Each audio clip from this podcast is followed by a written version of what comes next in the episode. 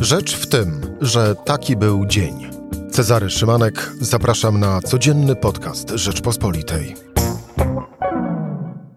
Środa, 7 kwietnia. Restrykcje związane z epidemią koronawirusa przedłużone do 18 kwietnia, co rodzi pytanie o powtórkę z rywalizacji na ból. Jarosław Kaczyński nie wyklucza natomiast przedterminowych wyborów, a marszałek Ryszard Terlecki najchętniej pozbyłby się koalicjantów już teraz. Co rodzi pytanie, czy aby decyzja dotycząca przedterminowych wyborów już nie zapadła. Na między innymi te pytania będzie odpowiadał Jacek Nizienkiewicz. Rzecz w tym, że zapraszam Cezary Szymanek. Słuchaj na stronie podcasty.rp.pl. Włącz Rzecz w tym w serwisie streamingowym. Jacek Nizienkiewicz, dziennikarz działu politycznego Rzeczpospolitej. Jacku, dzień dobry. Dzień dobry panu, dzień dobry państwu, dzień dobry Czarku. E, jeszcze dziś do godziny, czyli w środę, do godziny 11, e, wszyscy zastanawiali się nad tym, dlaczego lockdown kończy się 9 kwietnia, a nie później, podczas gdy o godzinę później, czyli o, tuż po godzinie 12, e, no, stało się jasne, że najbardziej poszukiwaną osobą przez paparazzich jest od dzisiaj Jarosław Kaczyński. Wiadomo, że 10 kwietnia jest bardzo ważna dla, data dla wszystkich Polaków, e, ale ważna też dla Prawa i Sprawiedliwości, niestety ze względów politycznych, czyli rocznica katastrofy smoleńskiej. Te obostrzenia w Polsce zwołuje się na dwa tygodnie, ogłasza się na dwa tygodnie, ale dlaczego akurat do 9 kwietnia, dlaczego akurat rządzący wybrali ten przedział czasowy, nie do końca wiadomo. Przynajmniej ja, rozmawiając z politykami Prawa i Sprawiedliwości, nie mogłem wyegzekwować w ciągu ostatnich dni tego typu odpowiedzi, jednak słyszałem od wielu, no, że wiadomo, nieoficjalnie, nikt nie odważy się powiedzieć na otwartym mikrofonie, że to że do 9 kwietnia mogło mieć coś wspólnego właśnie z rocznicą katastrofy smoleńskiej i z tym, mm, że Jarosław Kaczyński nie wyobraża sobie e, nie uczcić e, widocznie, czasem może nawet i widowiskowo pamięci e, ofiar katastrofy smoleńskiej ze swoim bratem na czele. Pamiętamy, jak to wyglądało rok temu. Ten odstęp między osobami składającymi wieńce, kwiaty, na placu Piłsudskiego czy na cmentarzach nie był zachowany. Pamiętamy, że też Jarosław Kaczyński i inni przedstawiciele Prawa i Sprawiedliwości z premierem Mateuszem Morawieckim i marszałek Sejmu Elżbietą Witek nie mieli maseczek.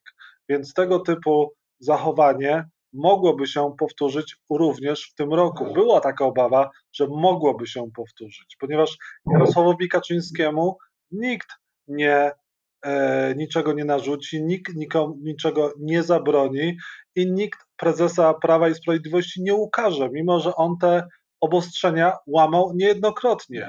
Włos mu z głowy nie spadł. Niestety są w Polsce równi i równiejsi i Jarosław Kaczyński należy do najrówniejszych e, względem e, prawa.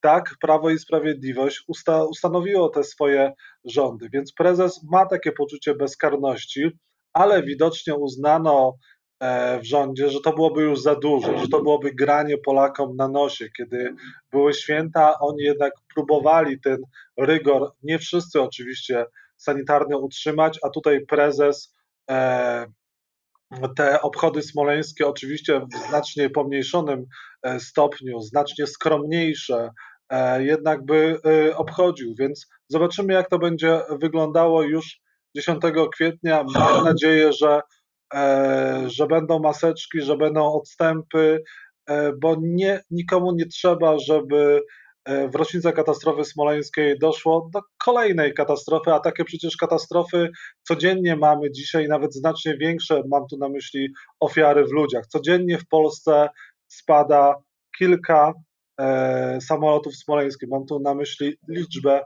ofiar. Jacek, e, to jeszcze taka mała dygresja do Twoich e, słów. No, ja raczej, e, tak patrząc na wydarzenia w Polsce, to ja bym na Twoim miejscu nie zaliczał Jarosława Kaczyńskiego do najrówniejszych wobec prawa bo najrówniejszy chyba jest tylko on sam i w tej grupie nikogo więcej, nikogo więcej nie ma. Ale wracając jeszcze do obchodów 10 kwietnia i do tego, co działo się w ubiegłym roku. Będzie licytacja na ból. Wszyscy oczywiście tu w tym momencie mamy w pamięci e, słynną już piosenkę Kazika. Niestety tak to wygląda e, przez Prawo i Sprawiedliwość. Jakby w tej rocznicy chodziło głównie o najbliższych e, Jarosława Kaczyńskiego, o polityków Prawa i Sprawiedliwości. Zwróćmy uwagę, że tam wszystkie środowiska polityczne straciły kogoś bliskiego i każdy z tym bólem jakoś musiał się uporać. Jednak nie wszyscy postanowili to uzewnętrznić i robić z tego polityczny spektakl, jak to często miało miejsce, albo wręcz zmonetyzować ten ból. To są brutalne słowa, ale niestety prawdziwe. Nie chcę podawać nazwisk, łatwo e, sprawdzić, kto ten ból zmonetyzował.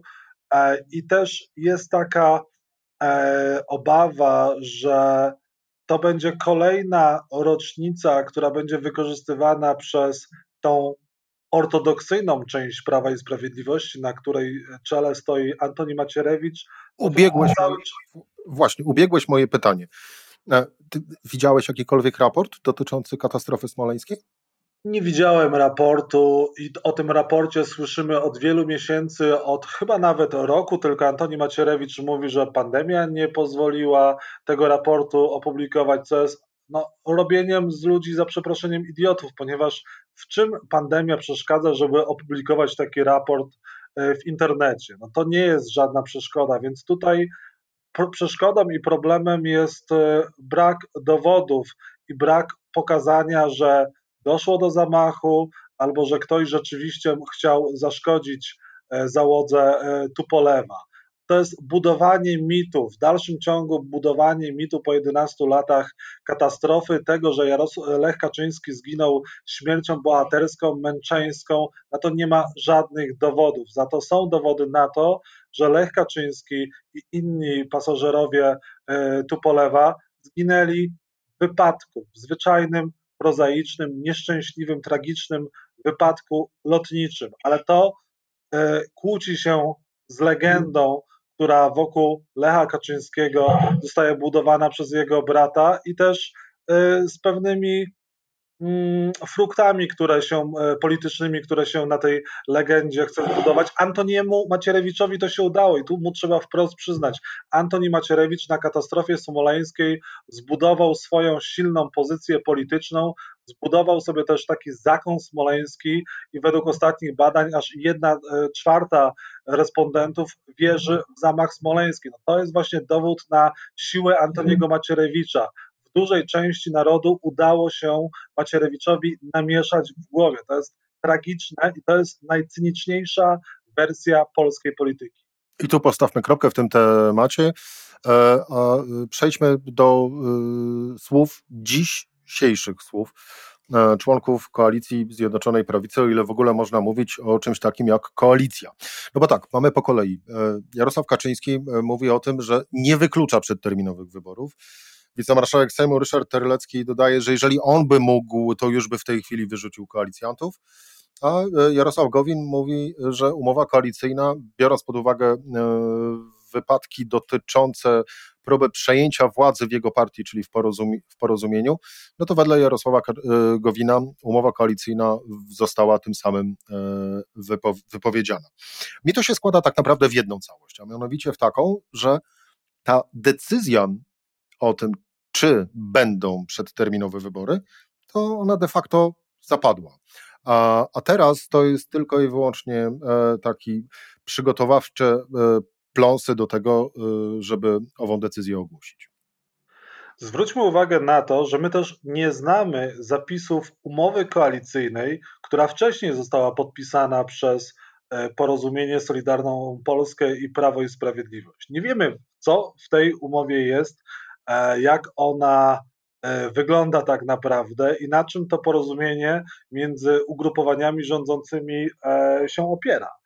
I tutaj nieufność między koalicjantami jest gigantyczna. Jarosław Gowin dzisiaj wprost przyznaje, że wybory prezydenckie powinny się odbyć za dwa lata, tak jak on mówił rok temu. Jest rocznica właśnie tej, tej decyzji o przełożeniu wyborów. E, koalicjanci wprost atakują się chociażby e, za to, że Adam Bielan e, w porozumieniu z Jarosławem Kaczyńskim próbował przeciągnąć porozumienie, posłów porozumienia na stronę Prawa i Sprawiedliwości. No to był, to był dopiero pucz, to co próbował zrobić Adam Bielan, nie udało mu się. No właśnie i do tego nawiązywał Jarosław Gowin, no bo też z drugiej strony trudno y, y, oprzeć się y, wrażeniu i chyba raczej nikt nam nie wmówi, że to co chciał zrobić Adam Bielan nie odbywało się za zgodą, albo przynajmniej za wiedzą władz Prawa i Sprawiedliwości.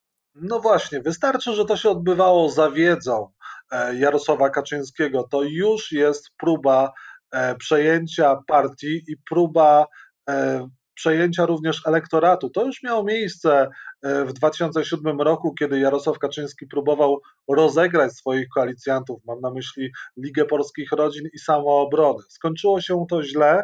Prezes PiS pamięta to doskonale, więc on liczy teraz, że będzie mógł postraszyć swoich koalicjantów, będzie mógł ich postawić e, do pionu, a ewentualne e, wybory e, wcześniejsze, przedterminowe, może się nie odbędą i wystarczy tylko to straszenie.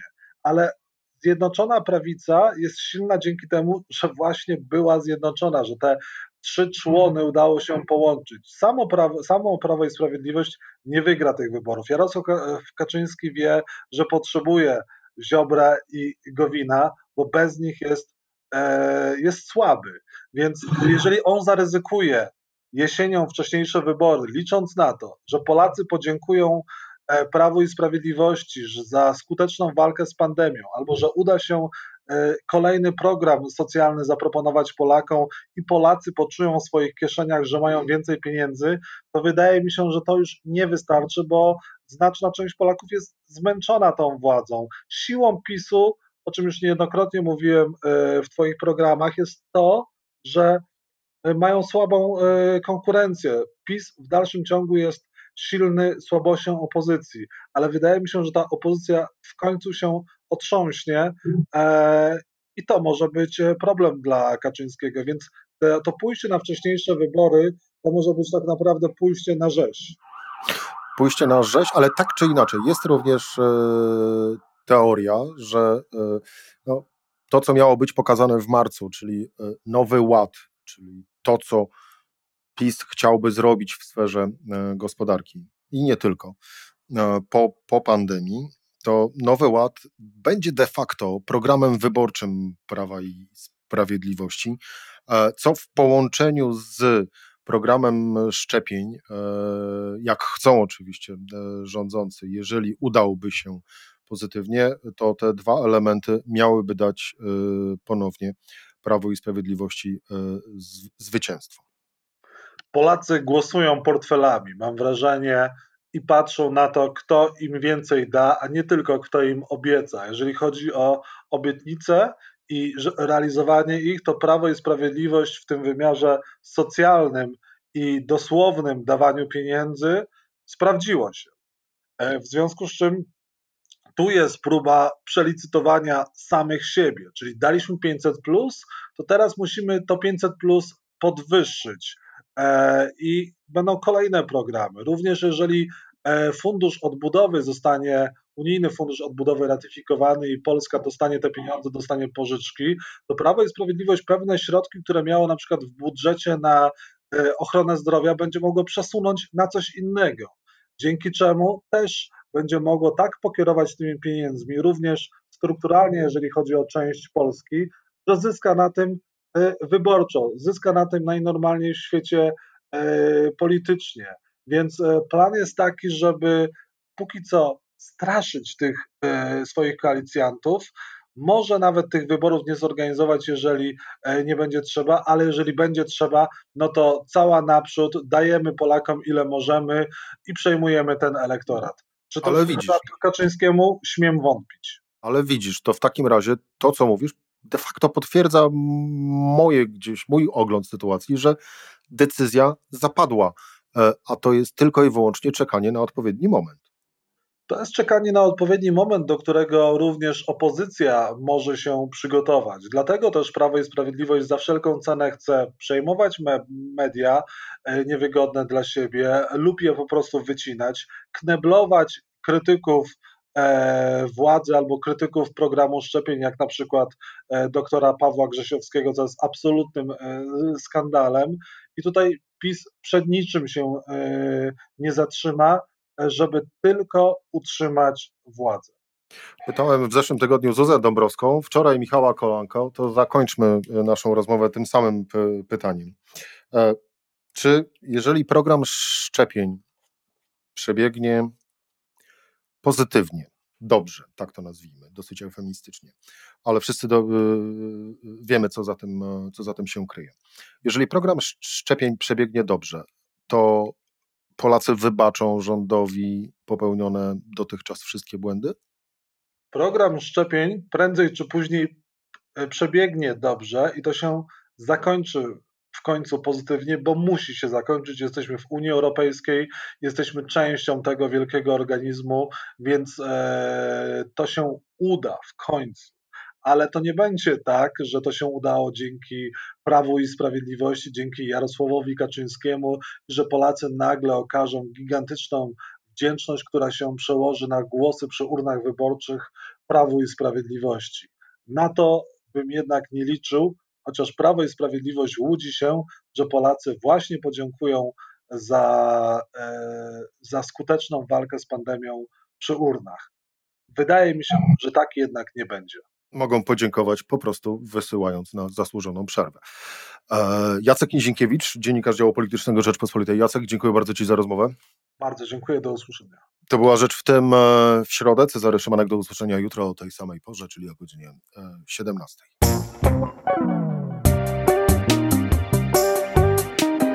Rzecz w tym to codzienny program Rzeczpospolitej. Od poniedziałku do czwartku o godzinie 17.